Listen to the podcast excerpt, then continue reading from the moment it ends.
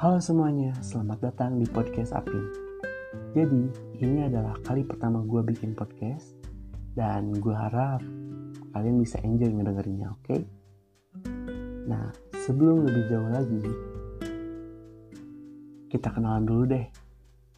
Biar lebih deket aja gitu ceritanya. Dan biar lebih nyaman. Karena ada istilah tak kenal maka tak nyaman. Nggak nggak gitu. Salah. Ada istilah tak kenal maka tak sayang. Jadi kita kenalan dulu baru sayang sayangan kenalin nama gue Alfiano tapi kalian bisa panggil gue Api. Dan di podcast pertama ini gue bakal ngebahas tentang materi toxic relationship. Sebelumnya Apakah kalian tahu apa itu toxic relationship? Atau mungkin kalian pernah mengalaminya? Jujur, gue sendiri pernah ngalamin toxic relationship. Dan bisa jadi gue adalah toksiknya. Gila gak tuh? ya namanya juga manusia ya. Pasti ada ada salahnya aja. Yang penting kita ngakuin kesalahan kita dan introspeksi diri agar menjadi lebih baik lagi dari sebelumnya.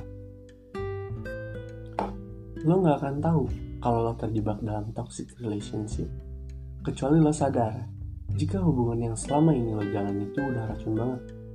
Karena ketika suatu hubungan yang penuh kekerasan, baik secara fisik atau emosional, itu jelas sudah gak sehat ya.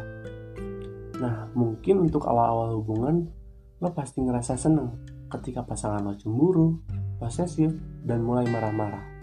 Karena lo ngerasa itu adalah bentuk kasih sayang dia kepada lo.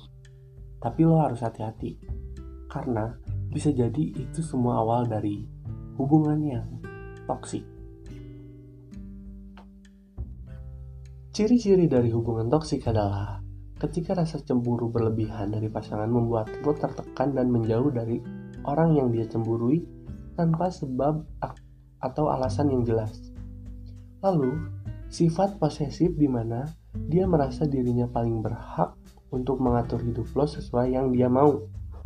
Bisa ditandai dari respon dia ketika kita telat baca chat atau enggak ngangkat telepon dari dia. Dia akan dia, dia akan curiga dan menganggap lo nggak serius dengan hubungan yang sedang dijalani. Hmm, mungkin ini masalah yang sepele ya, tapi dia akan selalu membesar-besarkan masalah sehingga akhirnya lo bakal tertekan dan jadi lo yang salah di sini. Padahal sebenarnya itu ini tuh bukan salah lo, cuman dianya aja yang ngebesar-besarin masalah. Nah, bagi kalian yang sampai sekarang masih terjebak dalam toxic relationship, lo harus minta bantuan ke sahabat lo atau teman terdekat lo biar So, bagi lo yang sampai sekarang masih terjebak dalam toxic relationship, lo harus segera minta bantuan ke teman terdekat lo atau sahabat lo. Karena pada saat lo terjebak dalam hubungan yang gak sehat ini, lo bisa banget buat kembali ke hubungan itu. Karena lo masih merasa sayang atau yakin pasangan lo bakalan berubah. Nah, dengan minta bantuan dari sahabat atau keluarga, bisa jadi mereka bakal protek lo biar gak balik lagi ke hubungan yang racun itu. Lalu, beranikan diri lo buat ngungkapin apa yang lo rasakan. Karena ketika semuanya hanya dipendam tanpa adanya komunikasi, lo bakalan stuck di posisi lo dan gak, bak dan gak bakalan bisa keluar dari zona itu. Meskipun ketika lo mengungkapkan apa yang lo rasain, bisa jadi dia gak bakalan terima dengan ancaman dia bakal mutusin hubungan atau dia justru minta maaf dan mencoba memperbaiki semuanya. Setelah lo selesai mengungkapkan perasaan dan melihat bagaimana respon yang lo terima, segeralah buat keputusan. Apakah hubungan tersebut layak untuk dipertahankan? Atau justru lo lebih baik tanpanya? Dan ketika lo udah ngambil keputusan, lo harus bulat dengan apa apa yang udah lo pilih. Jangan termakan oleh hasutan atau rayuan dia biar lo nggak terjebak lagi dan balik lagi ke dalam cengkramannya. Jangan paksakan diri lo untuk terus bertahan atas dasar cinta pada orang yang salah. Dengan alasan perjuangan dalam mempertahankan hubungan, gue rasa itu nggak banget deh.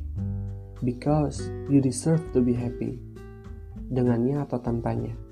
Jadi, sebelum lo makin jauh terjatuh dalam kesengsaraan, mending lo akhiri deh hubungan itu. Meskipun belum tentu semuanya berakhir ketika lo memutuskan hubungan, tapi setidaknya lo bisa terlepas dari dia dan dia nggak bisa seenaknya lagi buat gangguin hidup lo. Sekian dari podcast Apin, sampai jumpa di episode selanjutnya ya. Bye-bye.